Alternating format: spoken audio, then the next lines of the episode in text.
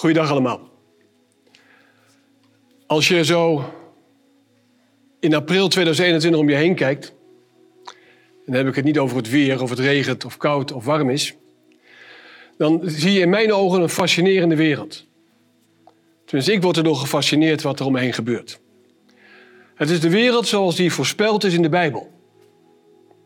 Een profetie die letterlijk uitkomt zoals we hem hebben kunnen lezen en het er nu voor je ogen uitrolt. Wat wil je nou nog meer als je zevende dagsadventist bent en dat gaat gebeuren? Het enige is, het moet wel wat met je doen. We hebben er vandaag al meer over gesproken. COVID-19 of corona is zoiets. Iets wat dominant in ons hele handelen is. Iets wat belangrijk in ons leven blijkbaar is. Wij mensen hebben er twee manieren, twee reacties op. Met twee F'en. In het Engels is het freeze of fight. Met andere woorden, je verstart en je doet helemaal niks meer. Of je gaat er wat mee doen. Nou, we gaan eens kijken wat betekent het nou vandaag in ons leven, deze wereld om ons heen. Even de wereld om ons heen, in kort geschetst. Um, over COVID-19 heb ik het al gehad. Het beheerst het nieuws. Het beheerst de mensen. Ik spreek met collega's en die zeggen dat we allemaal gevaccineerd zouden zijn, dan konden we dus weer gewoon aan het werk gaan. Ik laat me even niet uit of iedereen zich moet vaccineren, maar gewoon aan het werk gaan zie ik voorlopig bij niemand gebeuren. Terug naar vroeger is nog nooit gelukt tijdreizen, terug te gaan. Dus dat zal ook niet gaan. Maar het verlangen is er zo ontzettend naar. We hebben ver van ons weg, maar ik wil er wel over hebben. Myanmar. Waar het leger de macht heeft gegrepen al nu weken, meer dan anderhalf maand geleden. En honderden doden vallen omdat ze dat niet accepteren. In andere landen gebeurt het ook, alleen weten we het soms niet. We hebben in Nederland een onrustigere overheid op dit moment. Wie gelijk heeft of ongelijk heeft, ga ik niet over. Wij doen niet aan politiek. Maar we zijn wel gebaat bij een stabiele overheid. Daarom moeten we ook bidden voor onze overheid. Dat ze wijs zijn en ons mogen leiden in deze ellende. Tekenen destijds voor mij allemaal. Iedere week opnieuw ontstaat er wel wat nieuws. Want ik denk, dit is te herleiden op basis van de profetieën. Jezus komt gauw weer. Dat betekent dus iets voor ons, als Jezus gauw weer komt. Dat betekent dat ik verlost kan worden. Dan gaat het wel over een persoonlijke verlossing. Ik heb nog niet kunnen vinden in de Bijbel of de getuigenissen dat een heel, hele gemeente geheiligd wordt. Of een heel land. Of als je maar als lid in de boeken staat. Of daar staat ook niet als je trouw maar je tiende en gaven doet. Of iedere week komt. Of trouw je lessen maakt. Dat staat er allemaal niet in. Dus persoonlijke verlossing is iets anders dan heel veel dingen doen. En daar wil ik het echt vandaag over hebben. Dat is belangrijk om te beseffen dat het om onze zaligheid gaat. En als het om onze zaligheid gaat, kunnen we daarna tijd maken ook voor de zaligheid van een ander. Maar je zult ook merken dat die dingen op elkaar inwerken. Zodra je druk gaat maken over de zaligheid van een ander, werk je aan je eigen zaligheid. Dat is iets heel raars. Het is het enige wat raar is, wat door je andere daden te doen, dat je heel egoïstisch bezig bent. We lezen een tekst uit Lucas 21, vers 28 en 29. Jezus zegt daar zelf: Kijk dan omhoog. Wanneer moeten we nou omhoog kijken? Omdat uw verlossing nabij is. Kijk maar naar de vijgenboom en naar alle bomen. Nou zijn we in Nederland niet gewend dat we vijgenbomen hebben. Je hebt ze tegenwoordig wel. Bij ons in de buurt staat er ook eentje, die staat nu helemaal afgedekt. Want die kan helemaal niet tegen de kou namelijk van Nederland. Dus het moet helemaal ingepakt zijn. En als nu de koude nachten voorbij zijn, dan kunnen we weer uitpakken. Maar deze kennen we wel, de prunus. De prunus is de roze bloesem. Die bloeit als een van de eerste bomen. En dat is prachtig. Want als de prunus bloeit, is het voorjaar daar. Dan komen de mooie dingen, je wordt er helemaal blij en vrolijk van. Bij ons in de straat ook kom je aanrijden en een paar huizen hebben zo'n prunus in de, boom, in de tuin staan. En dan word je blij en vrolijk van. We weten dat het lente is. En dat is wat Jezus zegt. Als je de bomen ziet bloeien, weet je dat het lente is. Je hoeft niet op de kalender te kijken dat het 21 maart is geweest. Je weet het gewoon. Dus als we die tekenen van de tijd zien, kijken we omhoog. Waar blijft Jezus? Wanneer komt hij nou? En blijf maar omhoog kijken. Dat is heel specifiek. Dus laten we kijken of we niet in het algemeen over verlossing kunnen hebben, maar laten we het vooral over de verlossing van onszelf hebben. Een tekst over de persoonlijke verlossing is een mooie tekst uit Psalm 34, vers 4. En ik heb hier een blaadje, plaatje wel bij van Petrus die gered wordt. Ja, dat maakt eigenlijk niet uit. We zouden allemaal in de zee van de wereld kunnen zakken. En dat we graag gered worden door Jezus. Ik heb de Heer gezocht. En Hij heeft mij geantwoord. En mij uit al mijn vrezen gered. Wat een prachtig vooruitzicht. Als je in de ellende zit. Of anderen in de ellende zitten. Kan je deze tekst voor jezelf lezen of met anderen lezen. De Heer antwoordt altijd als je hem roept. Hij is niet iemand die zegt van ik hoor je niet. Elia dreef de spot met Baal. Die zei jullie moeten harder roepen, misschien is hij een dutje aan het doen. Onze God slaapt nooit. Hij heeft altijd zijn oren open als we hem nodig hebben. En dan antwoordt hij ook. Nou, we zijn begonnen, maar ik heb nu een klein probleem. En dat kleine probleem is, uh, dat zijn jullie. En ook iedereen die kijkt. Want wat is namelijk het echte probleem? Vooral bij video kijken is er onderzoek gedaan dat de attentie nogal snel wegzakt. Ik heb hier een grafiek staan dat na 10 seconden, en u kunt zeggen ik praat al 4 minuten, dat na 10 seconden al 10% het anders aan het doen is in zijn hoofd. Dat na 300 seconden, dat is na 5 minuten, dat komt zo meteen, en daarom is dit momentje, dat 90% met andere dingen bezig is. Het kan zijn dat hij aan de Bijbel aan het lezen is, op zijn horloge, met zijn mobiel, zijn gedachten naar buiten kijkt, met het eten voor straks. Allemaal dingen die niet gaan over dit onderwerp. En dat is het probleem. Heeft iedere spreker last van en ik dus ook. Uh, vandaar dat ik over 10 minuten een testje erin heb zitten. Om jullie wakker te houden. Ik had Elise's hulp eigenlijk moeten vragen, want die is heel goed in testjes maken, die dingen. Maar dat doe ik volgende keer dan wel. Ik heb hem nu zelf bedacht. Uh, je hoeft niet hard op te antwoorden, maar je moet wel even... Over 10 minuten ongeveer komt dat. Want dan is het heel, nou, die grafiek gaat niet verder dan 5 minuten, maar na 10 minuten is iedereen gewoon weg namelijk. Uh, als ik in de zaal zit, gebeurt me dat ook. Dus ik meld het maar.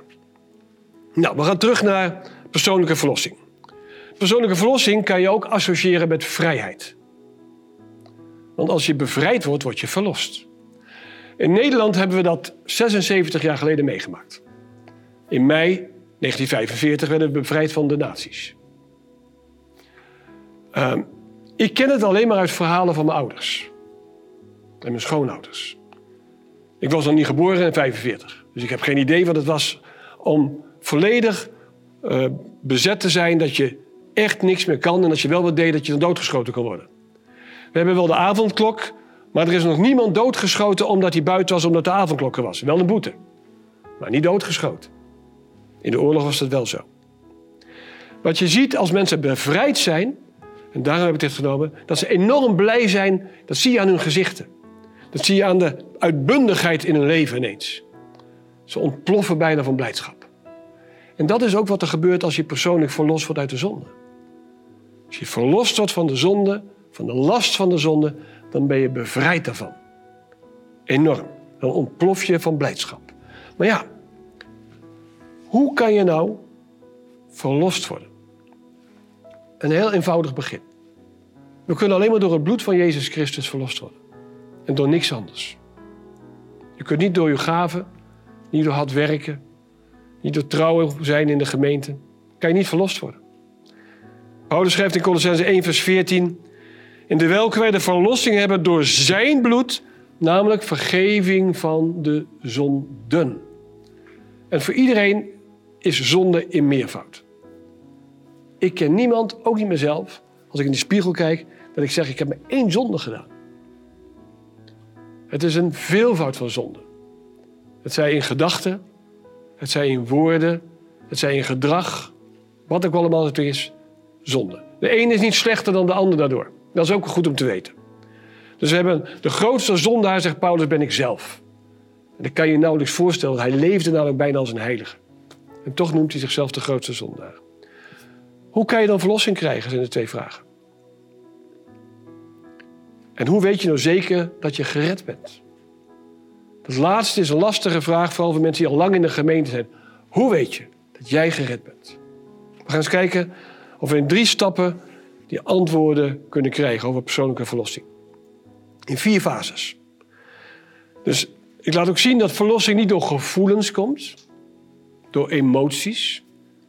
Tuurlijk zijn emoties belangrijk en gevoelens, maar daardoor word je niet verlost. Laat zien wat betekent verlossing door geloof. En de volgende die dan komt is verlossing door toewijding. Laten we maar de eerste eens nemen. Fase 1, de verlossing door gevoelens, oftewel emoties. In onze huidige moderne maatschappij wordt bijna alles uitgesproken. En ook bijna alles gedaan. Dat moet kunnen. Ook onze wetgeving in Nederland is daar steeds liberaler in geworden, vrijer in geworden. En we hebben het ook heel veel over, over je gevoel. En dat is ook fijn, want vroeger werd alles toegestopt. Over emoties. De norm is vaak van, voel je wel goed erbij? Ja, als je niet goed erbij voelt, moet je het niet doen hoor. Zo'n advies hoor je ook wel eens. En dan denken we ook nog dat het zo is ook. Hè? Tja, je kan op je gevoel op bepaalde manieren weer omgaan. Ik heb er maar een paar voorbeelden bij gezet. Je kan wegduiken in drugs, drank, blowen, snuiven, slikken, spuiten. Dan heb je een heerlijk gevoel. Echt waar. Ik voel je fantastisch. Maar als ik het zo zeg, denkt iedereen, ja, maar dat, dat kan je niet adviseren. Nee, dat adviseer ik ook niet, maar je voelt je wel fantastisch. Je kan ook aansluiten bij een, uh, bijvoorbeeld een voetbalclub. En ik heb hier het voorbeeld genomen van Ajax. Terwijl heel veel mensen die niet in Amsterdam wonen voor Ajax zijn of voor Feyenoord, dat, dat begrijp ik nog steeds niet. Ik kom uit Arnhem, ik ben niet voor Vitesse, maar ook niet tegen. Maar als je dan aansluit bij zo'n voetbalclub, dan ben je daar met, uh, sorry dames, meestal met heel veel mannen bij elkaar. Onze overbuurvrouw is bijvoorbeeld wel voetbalfan, dat is een uitzondering, een van de weinige vrouwen. En als je dan een heftiger bent bij een hooligan, dan mag je namelijk ook nog een keer mappen in je vrije tijd. En dan kan je lekker mee voelen. Dan kan je helemaal uit je dak gaan. Je kan ook gewoon gelukkig zijn, blij. Dat is een waardevolle.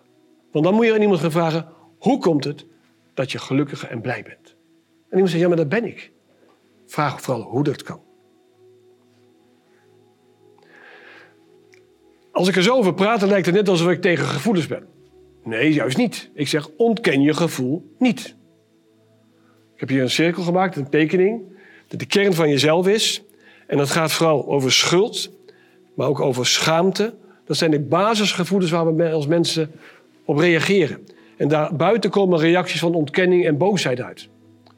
Dus als iemand boos is, heeft het niet te maken met wat er gebeurt, maar wat het voor gevoel bij hem geeft. Zo hebben allemaal wel eens dat we uh, ons genegeerd voelen. Dat iemand, omdat iemand je niet aangekeken heeft. Of dat iemand je het woord niet gegeven heeft. Dan denkt hij, hij, hij mag mij niet. Dat denk je. Het beste is altijd om dat te vragen. Zeg, joh, waarom heb je mij geen beurt gegeven? Waarom heb je niet naar me gekeken? Neutraal. En dan geeft iemand meestal een heel logisch antwoord. Hij zal nooit zeggen, omdat ik een hekel aan je heb. Want meestal is het namelijk niet zo. Johannes 3, vers 16, die ik hier op een vreemde manier beschreven heb, maar ik lees hem wel voor, is een emotionele tekst. Het is voor mij de meest emotionele tekst uit de hele Bijbel. Die raakt het gevoel namelijk. Want je kan het niet begrijpen. Jezus vertelde deze woorden aan Nicodemus toen hij in de nacht kwam. En Nicodemus was een rationele man. Die had het beredeneerd ook van ik ga niet overdag, want dan denken ze dat ik een vogeling ben. Dus ik ga stiekem s'nachts, dan weet niemand het en ik kom aan me trekken. Nou, dat is uitgekookt, heet dat, met een mooi woord. En wat zegt deze Jezus tegen hem? Onze verlosser, alleen maar emotionele teksten. En de mooiste is natuurlijk Johannes 3 vers 16. Want zo lief heeft God de wereld gehad, dat hij zijn enige geboren zoon gegeven heeft, opdat een ieder die in hem gelooft niet verloren gaat, maar eeuwig leven heeft. Nicodemus snapte er niks van. Hij hoefde niks te doen. Behalve geloven. En dan moest ook nog een keer baby worden en teruggaan. Wederom geboren. Op het gevoel. Dus als Jezus zulke dingen zegt, dan kunt u zeggen: Jezus is de meest gevoelige man die je kent. Hij raakt je ook. Hij pakt je. Zonder ratio. Terwijl hij het juist zo heel goed zou kunnen.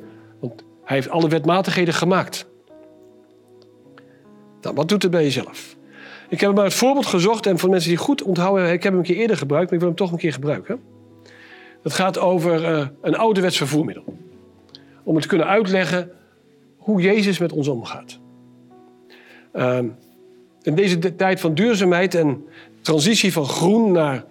is een wat raar voorbeeld, want een stoomtrein wordt gestookt op kolen en kolen is zwaar vervuilend. Maar de eerste elektrische trein in Nederland die reed pas in 1908. Voor degene die denken dat is lekker schoon. Die reed van het hoofdplein in Rotterdam naar Den Haag en Scheveningen. Wat niet de eerste trein, de eerste elektrische trein.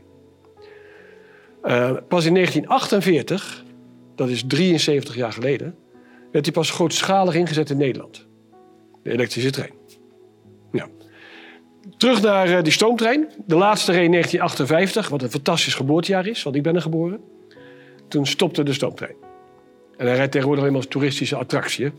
Voor degenen die hier in de buurt van Elkom zijn, uh, de dieren Apeldoorn heeft zo'n toeristische attractie van een stoomtrein. Als u goed kijkt, ziet u aan de voorkant de locomotief zitten. Daarachter zit de kolenwagen, oftewel de brandstoftank. Dat heette vroeger niet zo, dat heette kolenwagen, de tenderwagen. Uh, die zijn belangrijk in dit geval. Nou, de locomotief is dus degene die de trein helemaal trekt. Je zou kunnen zeggen, dat is Gods woord, de Bijbel. Als u die symboliek kan kunnen begrijpen. Maar die locomotief is niks zonder de kolenwagen, want heeft hij geen brandstof. Je moet hem energie geven. Je zou kunnen zeggen, dat is jouw geloof die je hebt. Dus op basis van Gods woord en je geloof kom je tot inzicht. En we weten, de Heilige Geest leidt ons in alles wat we lezen. Nou, maakt zo'n stoomtrein een bijzonder geluid. Die maak je alleen maar in een stoomtrein. Die komt niet bij een dieseltrein of een elektrische trein. Hij zegt namelijk... Dat is namelijk die stoom die geblazen wordt. Wat is dat nou in je geloofsleven? Nou, dat zijn je gevoelens. Die zijn er dus, onmiskenbaar, maar je komt er geen meter meer vooruit. Dat is ingewikkeld, hè? En toch moet je ze niet ontkennen, want ze zijn er wel. Ze horen bij die stoomtrein, ze horen emoties en gevoelens bij jou als mens. Dat maakt je completer. Ja, kort verhaal.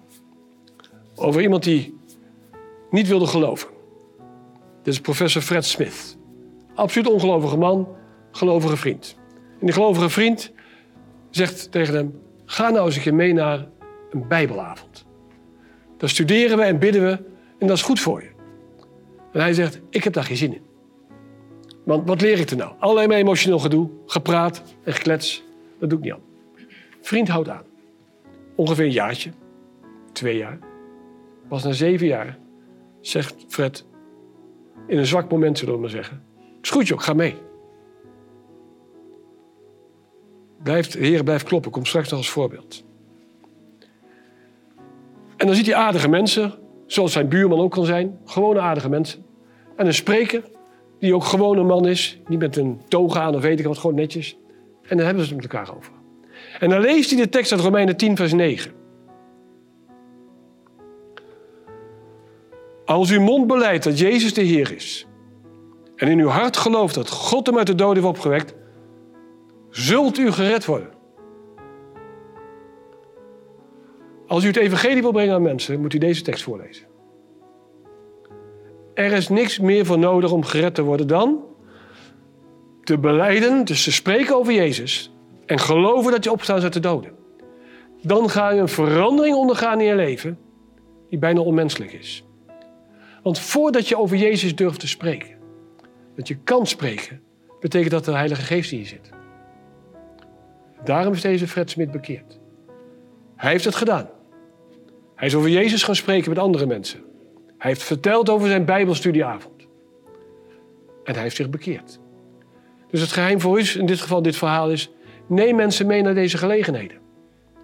Naar een vergadering als vandaag, naar je bidstonden, dat mensen het ervaren wat er is. De Heilige Geest zal ze het inzicht geven. En het goede woord op het goede moment. Twijfel staat af en toe toe bij ons allemaal. Dat is normaal. Twijfel is de vijand van het geloof. En de duivel staat niet stil. En dan is het af en toe dat jij denkt: ik geloof dat ik geloof in het geloof. Maar je hebt geen geloof in een geloof, geloof ik. Zo zitten we af en toe in elkaar. Vol twijfel, vol zorgen. Maar terug naar ons geloof. Het geloof is niet iets wat abstract is. Ik heb net het voor, de metafoor gegeven van de locomotief en de tenderwagen. Waarbij ik aangaf dat de geloof de energie geeft. En dan kun je met energie kan je wat doen. Dan kan je wat in beweging zetten. Jacobus schrijft er het volgende over in Jacobus 2 vers 18. Maar nu zal iemand zeggen, u hebt geloof. En ik de werken. Laat mij dan uw geloof zien uit uw werken en ik zal u uit mijn werken mijn geloof laten zien. Dat is een woordspelletje van Jacobus. Die zegt die dingen zijn met elkaar, hangen met elkaar samen. En het mooiste voorbeeld is Maria Magdalena. Maria Magdalena was een zwaarzondige vrouw. En voelde de nood tot bekering. En Jezus vergaf haar al haar zonden. En ze was vrij en verlost. En ze zalft Jezus voor zijn dood met een kostbare zalf. En droogt het met haar haren af. Omdat ze blij is. Blij is omdat ze iets kan doen voor Jezus. Geloven is namelijk een werkwoord. Geen zelfstandig naamwoord. Het is een werkwoord. En ik heb als laatste een afkorting van geloof, die wil ik graag meegeven. En het is prachtig bedacht hoor, want, maar het is wel mooi om te zeggen. De G staat voor God. Oké, dat kan we snappen. De E is van N. Ik lees hem zo hardop nog een keer hoor. De L is van liefde. De O staat voor over. De tweede O is van ons. En de F van falen. Als je dat dan vlug achter elkaar leest, dan staat er God en liefde over ons falen. En dan ziet u dat geloof ineens gaat werken. Ik kijk op de tijd en we zijn toe aan een attentieoefening. Want wat de statistieken van net hebben gehad, is nu 90% afgehaakt. Dat is ook van de kijkers. 10% doet een beetje mee nog. Nu heb je in het leven onwaarheden, leugens en statistieken. In die volgorde. Denk dan maar de volgende keer aan als u de directeur van het Centraal Planbureau ziet. Dat is meneer Pieter Hazekamp. Als u hem over statistieken hoort vertellen, moet u denken waar, onwaarheden, leugens en dan statistieken. Okay. Maar dit was een statistiek die natuurlijk bijna waar is. Hè? Uh, de oefening komt. U hoeft niet luid het antwoord te roepen. Maar moet wel bedenken. Het is natuurlijk een vraag. Elisa, kan ook een keer, jij moet vragen beantwoorden, maar even in jezelf. Hè? Wat is het kortste hoofdstuk van de Bijbel? Ik hoor het al fluisteren. Psalm 117. Wat is nou het langste hoofdstuk uit de Bijbel? Psalm 119, heel goed allemaal. Nou, jullie mogen echt door naar de bonusprijs. Hè? Welk hoofdstuk ligt nou precies in het midden van de Bijbel? Psalm 118. Dit is geen toeval, dit, hè? Dit, dit, als je over nadenkt hoe de Bijbel gewoon al... Ja, door mensen samengesteld, zeggen we dan. Nou, misschien wat goddelijke hulp erbij. Het is mooi om te onthouden altijd, hè? We zijn niet helemaal klaar hoor. Wat is nou het middelste vers van de Bijbel? Het hoofdstuk weet u al. Psalm 118. Welk vers is het dan? Vers 8. Dat is makkelijk hè? Het is mooi om te onthouden, maar je bent wel helemaal wakker hè? Het is beter tot de Heere toevlucht te nemen dan op de mens te vertrouwen. Centraal in de Bijbel, exact in het midden, staat deze tekst. Ga niet naar mensen, ga naar God. Dat was de wakkeroefening. Er komt maar, meer zijn er niet hoor. Dus u moet nu gewoon even wakker blijven. Uh, ik zal mijn best blijven doen. Terug naar ons thema, persoonlijke verlossing.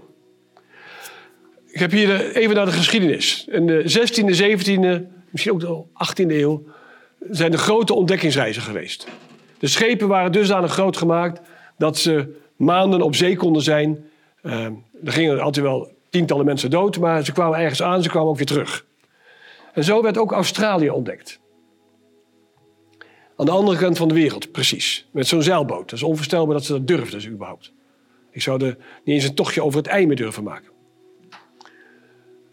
En wat kwamen ze daar tegen? In een bijzondere wereld, omdat Australië natuurlijk als een groot eiland, continent, afgesloten is van de rest van de wereld.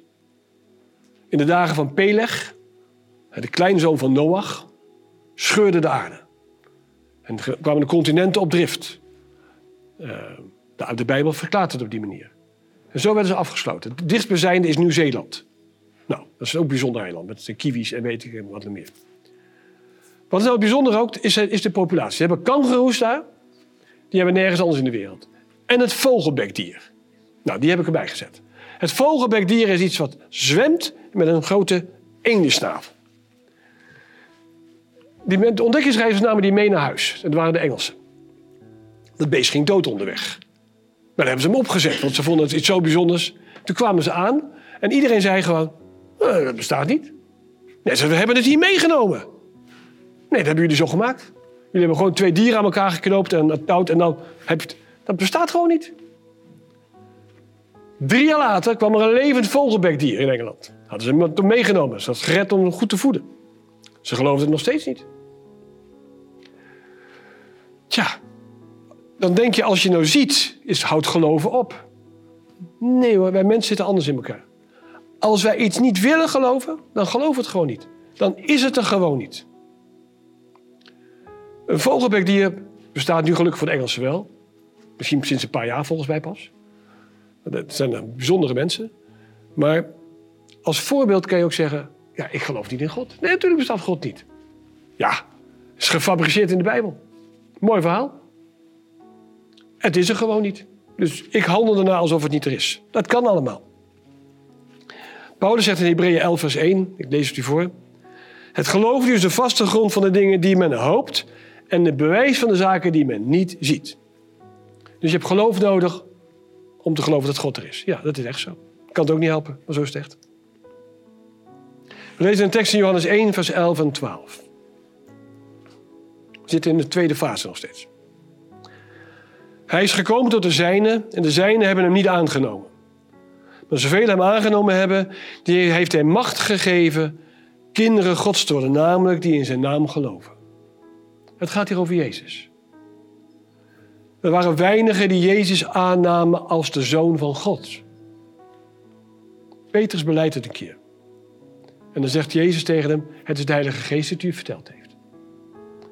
Niet eens krijgt hij zelf de eer. Van, of Peter, wat fijn dat je de waarheid zegt. Nee, de Heilige Geest heeft hem ingegeven.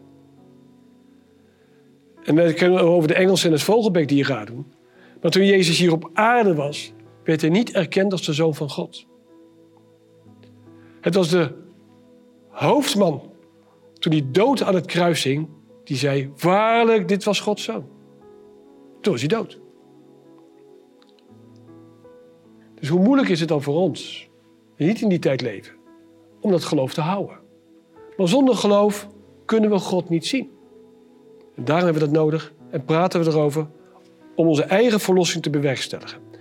Ik lees een uh, citaat van zuster Ellen White over hoe je geloof je laat zien. Staat in Schatkamer deel 3, bladzijde 436. Wanneer wij door een levend geloof en geheiligde gehoorzaamheid aan Gods woord de liefde en genade van Christus openbaren. Wanneer wij laten zien dat we van Gods leidende voorzienigheden in het werk een juist begrip hebben, zullen wij in de wereld een overtuigende kracht brengen. Dus we kunnen ons geloof alleen maar laten zien door wat we doen. Als u dat niet de andere zes dagen van de week doet, is uw geloof, heeft u nog wat onderhoud nodig. Laat ik het zo zeggen. Dus dat is de les voor ons allemaal, als we verlost willen worden. We gaan naar de laatste fase, de fase voor toewijding.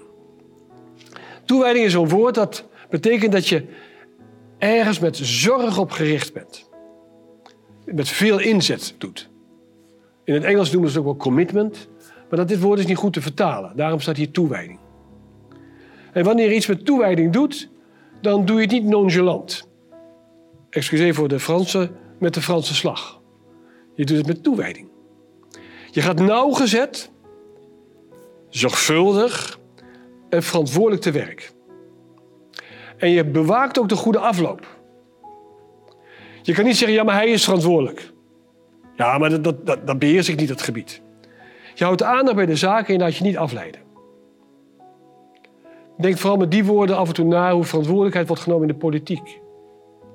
Voor hun eigen handelen en het handelen van de mensen waar ze verantwoordelijk voor zijn. Je laat je niet afleiden. Dat is verlossing door toewijding. Deze is een mooie tekst uit 1 Johannes 1, vers 7, 8 en 9. Maar gaan we onze weg in het licht, zo zelf in het licht is, dan zijn we met elkaar verbonden. En reinigt het bloed van Jezus, zijn zoon, ons van alle zonden. Als we zeggen dat we de zonde niet kennen, misleiden we onszelf.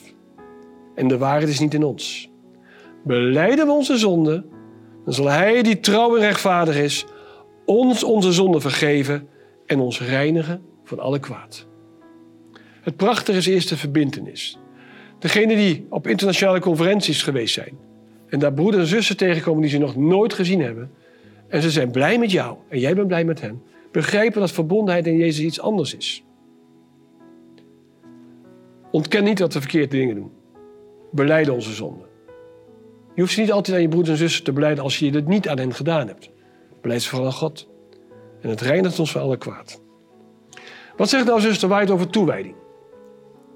Ook in Schatkamer 3, maar dan bladzijde 82.